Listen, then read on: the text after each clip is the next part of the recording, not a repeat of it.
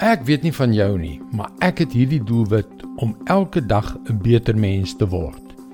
Bietjie vir bietjie, dag vir dag, wil ek my swakhede en mislukkings oorbrug sodat ek uiteindelik meer en meer soos Jesus word. Hallo, ek is Jockey Gouchee vir Bernie Diamond en welkom weer by Vars. Dit is nie 'n slegte doelwit nie. Beslis nie.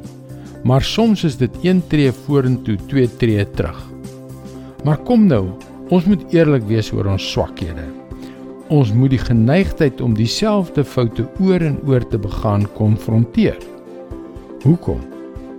Nie net om meer soos Christus te word nie, want dit is van selfsprekend die doel van elkeen wat in Jesus glo en hom wil volg en sy disipel wil wees. Maar ook omdat ons swakhede, mislukkings, foute, sonde gevolge het. Hulle verwoes ons lewens en ons verhoudings. Maar daar is iewerster 'n subtiele slaghuister waarin ons geneig is om te trap.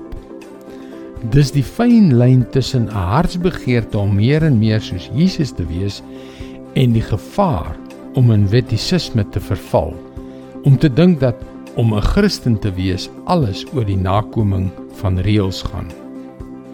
'n Groepie mense wat sekerlik vir God met hulle hele hart wou dien, het vir Jesus 'n baie belangrike vraag gevra waarop hy 'n interessante antwoord gegee het. Johannes 6 vers 28 en 29. Hulle het toe vir hom gesê: "Wat moet ons doen om God se wil uit te voer?" Jesus het hulle geantwoord: "Dit is God se opdrag aan julle. Glo in hom wat die Vader gestuur het. Nee, kyk mooi. Dis nie jou werk en my werk om hard te probeer om 'n beter mens te word nie. Wat Jesus regtig van ons vra, is om dag vir dag in hom te glo, sodat ons bietjie vir bietjie meer soos hy sal word. Dit is God se woord, vars vir jou vandag. Dit is 'n ander denkwyse God se weë is nie ons weë nie. Hy gee ons 'n heel ander perspektief op die lewe. Kom leer meer.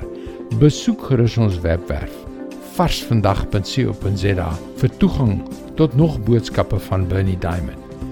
Sy boodskappe word reeds in 160 lande oor 1300 radiostasies en televisienetwerke uitgesaai. Skakel weer môre op dieselfde tyd op jou gunstelingstasie in. Mooi loop. Tot môre.